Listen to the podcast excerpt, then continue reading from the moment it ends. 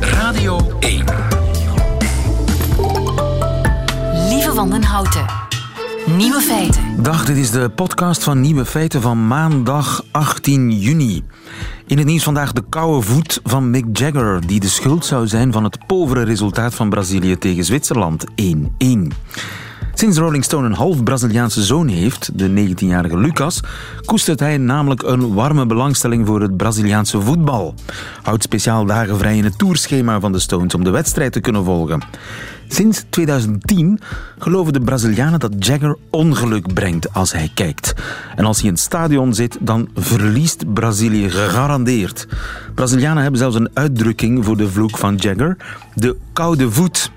Gelukkig heeft Jagger geen Belgisch kind, voor zover we weten. De andere nieuwe feiten. Portugal zet geiten in tegen bosbranden. Trouwen doe je beter na je veertigste. François Hollande ging even terug naar school. En de Rode Duivels vinden het gras te lang op het WK. Veel plezier. Nieuwe feiten. Straks om vijf uur hakken de Rode Duivels Panama in de pan. Dat is de bedoeling, maar er is een probleem. Inderdaad, het gras is te lang. Peter van den Bemt, goedemiddag. Goedemiddag. Onze man in Sochi, hoe lang is het gras? Het is 25 mm hoog. En dat is te Eh, lang, dat 25 is, eh, mm?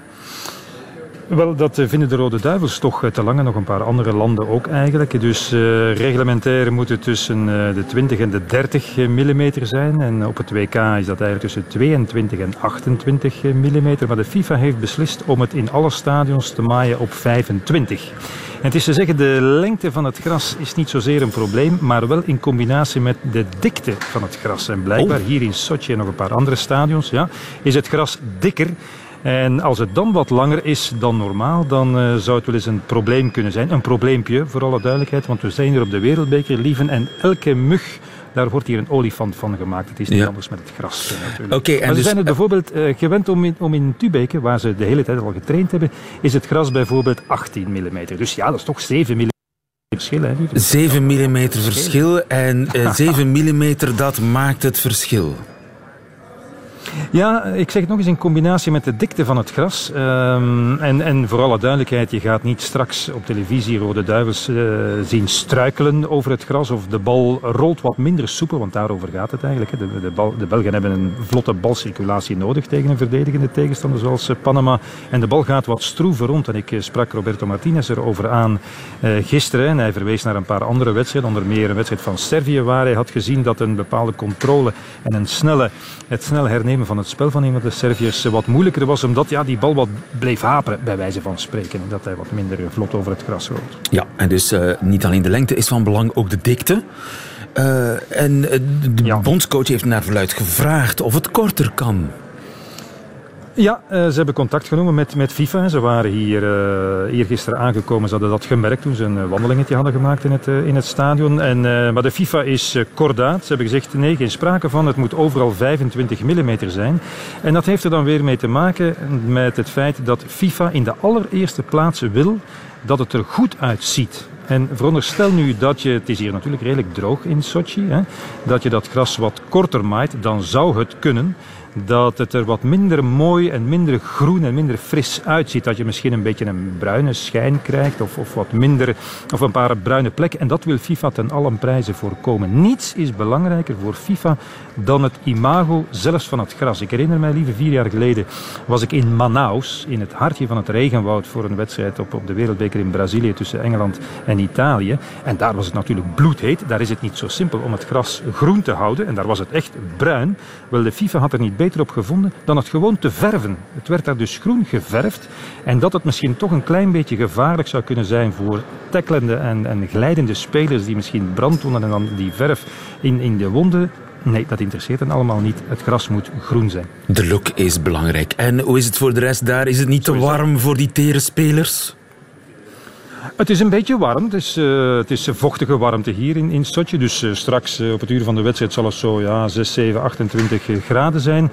En dat gaat een rolletje spelen. Hè. Je, natuurlijk, als je naar, naar Brazilië gaat, dan ben je daar een beetje op voorbereid. Want je verblijft al heel lang in dat klimaat. Dus dat, dat vraagt toch een zekere aanpassing. Nu zijn ze in, in Moskou, waar het ja, Belgische temperaturen zijn en Belgische luchtvochtigheid. Dus dat gaat wel een klein beetje een, een probleem zijn. Maar nog een keer, de dingen die we nu hebben opgesomd, de warmte, want daar zijn de Panamezen misschien wat beter uh, mee vertrouwd. Uh, de lengte van het gras en zo verder. Ja, dat zijn voor alle duidelijkheid toch maar een kleine details. Kleine details, maar misschien straks handig als het dan toch misgaat. Hebben we een zwarte Piet? Nee, dat ze daar niet mee, nee, dat ze daar niet mee afkomen komen aandraven. Nee, dat is, natuurlijk er is geen enkel excuus om tegen deze Panamezen niet te winnen. Ik heb het vanmorgen op de radio ook al gezegd. Het is een, een klein land. Het is voor de allereerste keer op de wereldbeker. Ze zijn, gaan uh, ongelooflijk enthousiast en gemotiveerd en scherp zijn, die Panamezen.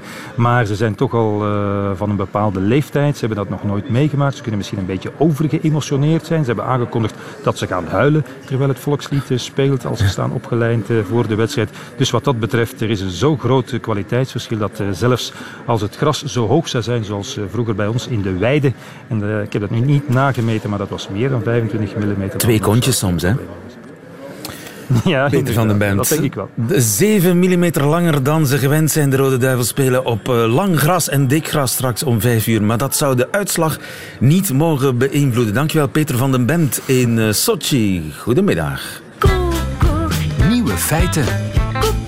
Coucou. De France. Met Alex Visorek. En ja, het is weer maandag en dan krijg ik een warme, warme groet vanuit uh, Parijs van mijn collega, landgenoot en radioster in Frankrijk, Alex Visorek. Goedemiddag, Alex. Ja, radioster, inderdaad. Goedemiddag, lieven. Uh, vandaag als Belg in Parijs ben ik vooral Belg. Ik ben klaar voor de Rode Duivels, Aha. maar laten we gefocust blijven zoals leerlingen die in de klas moeten zitten. Het is bijna vakantie, maar toch is er deze week iemand die terug naar school is geweest. En dat is ex-president François Hollande. François Hollande dan nog? Ja, en hij zat niet in om het even welke klas. François Hollande was uitgenodigd in de Franse tv-show Au Tableau. Dat is een show die eigenlijk tijdens de campagne voor de presidentiële startte. Een show waar politici vragen van kinderen moeten beantwoorden. En ze zijn in een klas. In Vlaanderen bestaat dat niet, denk ik. De enige keer dat de politici vragen van een kind moeten beantwoorden is als Wouter Beek een vraag stelt in de Kamer. Maar in Frankrijk zijn alle belangrijkste politici daar geweest. Maar ook andere bekende Fransen. Deze week bijvoorbeeld was er ook Franse voetballer Kylian Mbappé, 19 jaar. En uh, kinderen uh, verrassen vaak met hun vragen. Dus heeft een jongen gevraagd, als het echt uh, waar was, dat de voetballers dom zijn. Il n'y en a pas un qui est bête. Peut-être que je le connais pas. Peut-être qu'il existe quelque part, mais moi, ceux que je côtoie, ça va. Ils sont un minimum culturés. Ils sont un minimum culturés. Ja, behalve dat wij zeggen, ils sont un minimum cultivés en niet culturés. Ceci explique cela. Ja. Natuurlijk zijn kinderen uh, niet gewend om vragen aan politici te stellen, dus soms uh, gaat het over hun eigen ervaring uh, van de school, zoals ze werkwoorden vervoegen met socialist Benoît Hamon. Conjuguer le verbe élire au futur antérieur. Putain, c'est mortel. Zei hij ja, dat echt? Oh putain? Hij heeft dat echt gezegd. Zijn politici niet gewend om vragen van de kinderen te beantwoorden. Dus antwoorden ze soms oh putain. Uh, en krijgen die Franse politici ook pertinente vragen van die kinderen? Ja, ja, ja, zeker. Bijvoorbeeld krijgen ze één minuut om het verschil tussen links en rechts, uh, quota's van immigratie of uh, arbeidswet uit te leggen. Dat hebben ze aan premier-minister Edouard Philippe gevraagd. En om het interessanter te maken, stellen kinderen de vraag in het Engels. Wel oppassen voor het antwoord, lievende. Why did President Macron use an executive order for his loi de travail? Was he afraid that his reform wouldn't pass? Not at all, dear Tenzin. because he expre express he said so during the campaign. Edouard Philippe verklaarde erna dat hij expres, expres, he didn't know he would have to speak English. Laten we dan op François Hollande terugkomen. Hij is de eerste president die in de show eh, ging, enfin bijna. Premier Edouard Philippe had ook eh, president Macron gebeld voor de kinderen om hem met de luidspreker te laten horen. Maar François Hollande was daar echt aanwezig. En weet u wat de bijnaam van François Hollande was? Oh ja, wa- eh, wacht, yoghurt, iets met platte kaas of zo was het geloof ik. Ja. Hè? Nee, vlaai. Flamby. Flamby, Ja, dat was het. Flamby is het bekendste merk van flan in Frankrijk. Dus wilden de kinderen weten, als hij, hij slecht voelde toen een andere socialist zijn bijnaam Flamby uitvond. Mais euh, finalement, Flamby, je me suis dit, mais c'est- il veut me blesser, mais c'est une très bonne euh, euh, proposition qu'il a faite. Je ne connais personne qui n'aime pas le Flamby. Iedereen houdt toch van Flamby. Ja. Niemand die geen flan lustte. Eh, ik denk dat Hollande het glas liever half vol ziet. En gelijk nu heeft hij. heeft hij tijd voor een tutorial. Du coup, justement, on va faire un petit exercice. Vous allez faire un tuto pour nous apprendre à mettre une cravate. Parce qu'on dit toujours que vous avez tout le temps la cravate de travers. Ah, dus hij kan geen, geen eh, kravat, geen das knopen. Nee, inderdaad. Kinderen die een ex-president leren om een dasknop te maken, is dat niet mooi. Maar Hollande heeft hen ook iets superbelangrijk geleerd.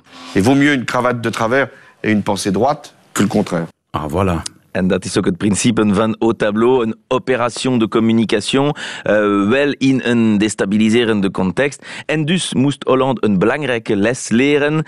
En voor de fun laat ik het hem zeggen in het Engels. What we must do when, when you are president is to decide for the country, not to be popular. Tout le monde a compris mon anglais parfait, hein euh, Hij wel. L'anglais de François Hollande. wel. Scheve das, maar recht Engels. Dankjewel, Alex Ja, Vizorek in. Parijs voor ons. Goedemiddag. Nieuwe feiten. We trouwen steeds later. De gemiddelde leeftijd zit rond de 35 tegenwoordig. Veel ouder dan vroeger. Maar het beste zou eigenlijk zijn om te wachten tot je 40 bent. Goedemiddag, Aaf. Goedemiddag, hallo. Aaf Brandkorstius, schrijfster van het boek Trouwboekje. Over trouwen op leeftijd. Eh, hoe oud ben jij getrouwd? Eh, vorig jaar toen was ik 42. 42. En hoe oud was je wederhelft? 43. Dus allebei waren jullie ouder dan 40. Hadden jullie samen kinderen? Ja, eh, hij had al eh, twee kinderen uit zijn eerste huwelijk. En die waren toen, eh, die waren vorig jaar 16, dat is een tweeling. En wij hadden samen ook, hebben samen twee kinderen en die waren toen zes en zeven. Dus vier kinderen in totaal. En jij ziet alleen maar voordelen daarvan?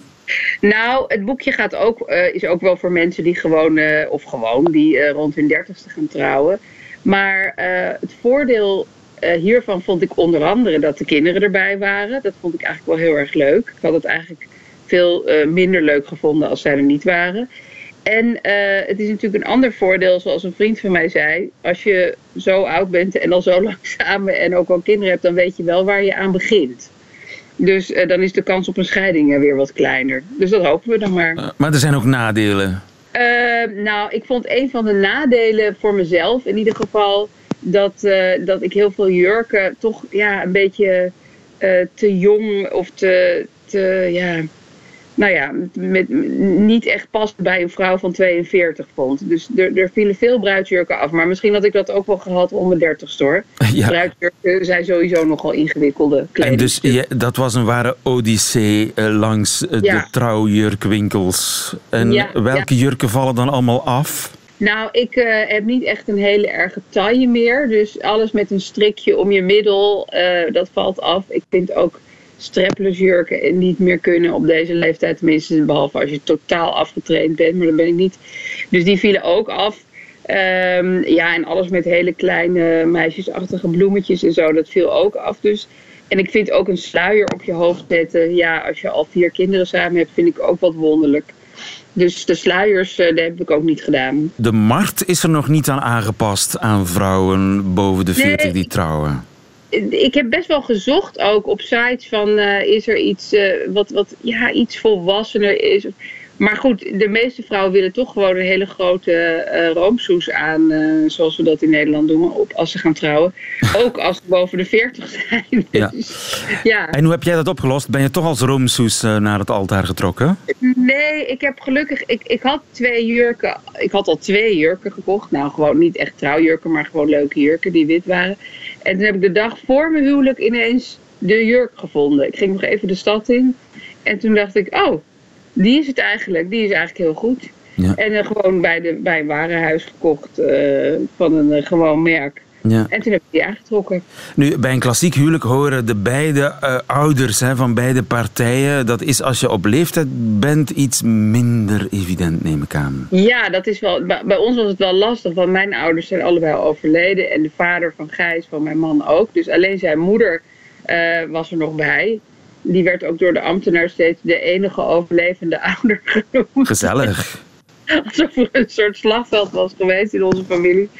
Maar ja, dat is, wel, dat is weer het jammere. Dat die er, je kinderen zijn er dus wel bij. Maar je ouders eh, in mijn geval eh, niet. Dus ja, dat vond ik wel heel erg jammer. Ja. Eh, maar het voordeel is dat die ouders zich niet meer moeien natuurlijk. Nee, nee, want ik, ik denk wel dat heel veel mensen ehm, later denken van... oh, had ik het maar meer op mijn eigen manier gedaan... maar mijn ouders wilden dat ik in het wit zou trouwen... of dat ik eh, al mijn tantes zou uitnodigen... of dat ik het daar en daar zou vieren.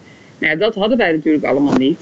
De moeder van Gijs heeft zich er ook wel... eh, nou ja, die heeft ons wel geholpen... maar ze heeft zich er niet mee bemoeid. Want ze weet ook wel dat twee mensen van 40 plus het zelf wel kunnen regelen. En zijn er nog, eh, ik zit nog te denken aan, aan nadelen.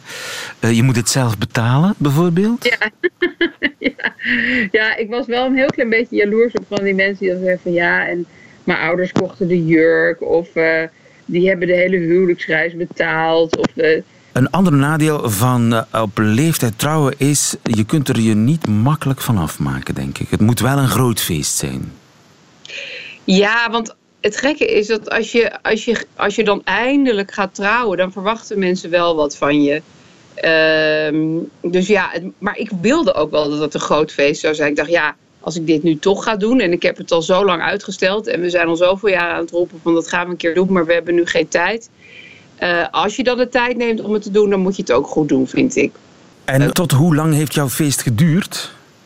Nou, het was om 12 uur s'nachts afgelopen. Ik geloof dat dat in België echt ongehoord is. Om twaalf In uur mijn- gedaan.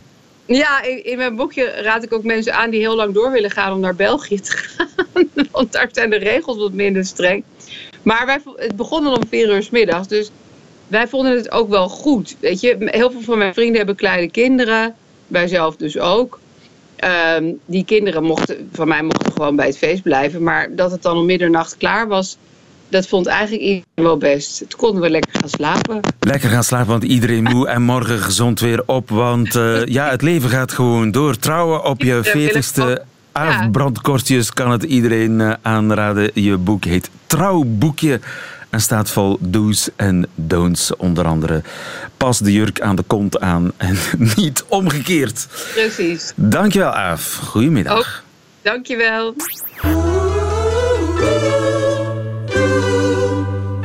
Nieuwe feiten. In Portugal zetten ze dan weer geiten in tegen bosbranden. Dag José. Dag, dag. José da Silva, onze man in Portugal, geiten tegen bosbranden. Hoe kan dat? Ja, dat is toch eh, uitstekend. Eh, heb je er wel eens aan gedacht? Eh, heb je wel eens geiten gezien op weilanden of op, in bossen? Die eten alles op. Die eten echt alles op. Struiken, eh, gras, onkruid, alles.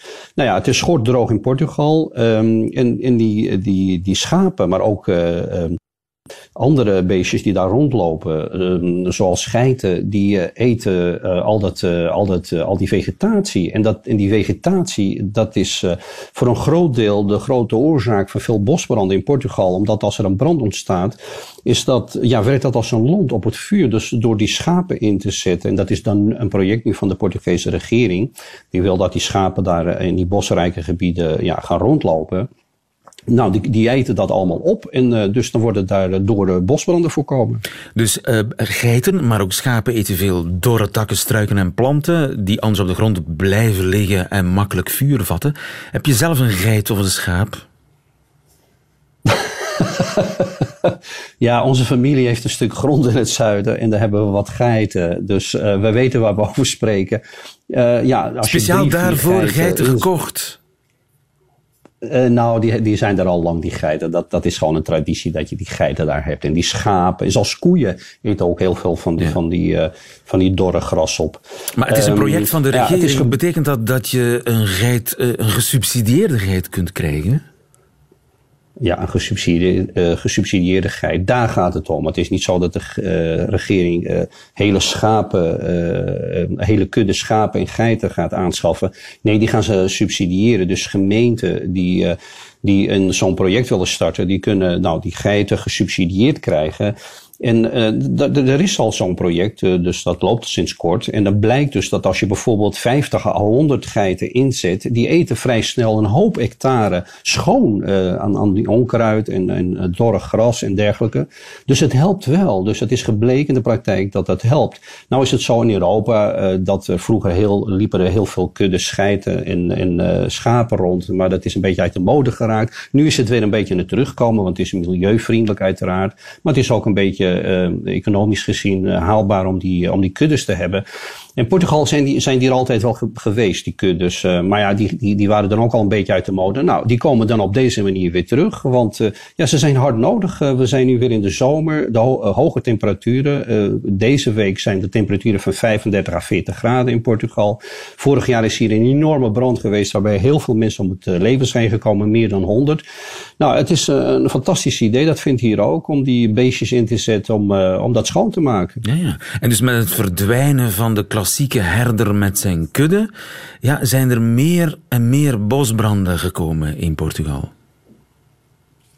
Ja, die, die, die link zou je kunnen maken. Uh, kijk, als er een bosbrand ontstaat en er is veel sprokkelhout, veel onkruid, veel, veel uh, droog gras, dan, uh, dan kan zo'n brand heel snel zich ontwikkelen. Uiteraard, want dat werkt natuurlijk als ja. olie op het vuur. En zijn er maar door vandaag het schoon dan... te houden is ja? Door het schoon te houden uh, is de kans op bosbrand kleiner. En blijkt dat ook? Precies. Zijn er tot nu toe uh, in Portugal, of het echte bosbrandseizoen moet natuurlijk nog beginnen, maar uh, zie je de eerste tekenen dat het werkt? Uh, dat, dat werkt. Dat werkt. Dat blijkt uit studies uit het verleden. Dus dat uh, als je die kuddes daar laat grazen en die maken het schoon. Als er dan een brand ontstaat, dan ontwikkelt zich zo'n brand minder snel. Dus het werkt. Men weet dat het werkt. Maar om, omdat ja, die kuddes ook in Portugal een beetje uit, uit de mode raakten. Um, ja, veel van die bosbranden, die hele grote bosbranden zoals vorig jaar. Dat zijn enorme bosbranden geweest. Ja, die die hebben zich heel makkelijk kunnen ontwikkelen vanwege al dat, dat onkruid. Nou, ja. met zo'n kudde. Uh, dan gaat dat minder en dat is dan fantastisch, want dan hebben we minder bosbranden en minder tragedies in Portugal. Nou, Gesubsidieerde geiten die moeten het aantal bosbranden, of in ieder geval de grootte van de bosbrand, uh, beperken dit jaar. Uh, we zullen een bilan opmaken op het einde van de zomer. Dankjewel, José da Silva in Portugal. Stella Bergsma houdt het middagjournaal bij deze week voor ons. Zangeres, dichteres, columnist en schrijver. Nieuwe feiten. Middagjournaal. Goedemiddag, lieve dames en heren. Gisteren was het Vaderdag. Vaderdag, de dag waarop je je vader eert. We hebben Moederdag, Dierendag, de dag van de duurzaamheid, de dag van de zorg, de dag van de leraar, de dag van de seksuele gezondheid, de dag van de diëtist, de dag van de digitale communicatie, de dag van de huismeester, de dag van de aanvoegende wijs, de dag van de roodharige lymfklierkankerdag. Maar wanneer is het nou eens Dingendag? Wie denkt er eens aan de dingen die ons iedere dag omringen? De dingen, de dingen, de dingen die ons helpen, steunen, vervoeren, voeden, vooruitbrengen. Waar we aan zitten, in zitten, op staan, op liggen, naar kijken. De dingen. Ze doen alles voor ons. En wat doen we voor hen? Niets. Ze hunkeren naar een splintertje, flintertje aandacht. Ze willen zo graag eens een aai over dat kille, harde oppervlak. De dingen verdienen waardering. Sartre zei het al. Bezit is vriendschap tussen mens en ding. En wij bezitten de dingen heel vaak, maar zijn we vriendelijk voor ze? Nee. We schoppen er tegen, slaan ze van ons nachtkastje, rossen erop als ze niet snel genoeg service verlenen. We maken dingen stuk van een ander om te laten zien hoe dominant we wel niet zijn. Zo kinderachtig. Poeslief doen tegen je baas, maar katten op je computer. Die ook maar zijn werk doet, wat jij hem hebt opgedragen. Dus iedereen die met Dierendag zijn poes een hoedje geeft en hem op schoot neemt, ik zou willen zeggen, neem ook eens een ding op schoot. Geef dat hoedje nou eens een zoen. Kijk eens om je heen en zie al die mooie, stralende, glimmende, blinkende, koele, ronde, rechthoekige vierkanten, overbodige, nuttige, lelijke, vieze stukken dingen. Zie de dingen. Ze zijn overal en altijd. Zie ze, voel ze, hou van ze. Respect voor de dingen is respect voor het leven. Ja, het leven. Laten we een dag voor ze inlassen. Bijvoorbeeld morgen, 19 juni, Dingendag. Geef je kopje koffie eens een kopje koffie. Je plant eens een bosje bloemen. Je kussen een kusje. Knipoog eens naar een lantaarnpaal. Glimlach naar een vuilnisbak. 19 juni. Zet het in je agenda. En bedank hem meteen dat hij zo netjes alles voor je bijhoudt. Lieve mensen, ik zou willen zeggen... Lang leven Dingendag. Lang leven de dingen, ook al leven ze niet.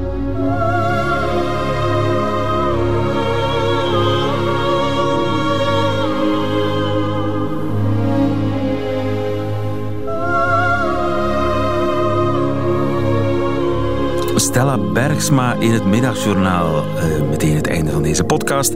Maar u vindt er nog veel meer op radio1.be en op de gebruikelijke podcastkanalen. Tot volgende keer.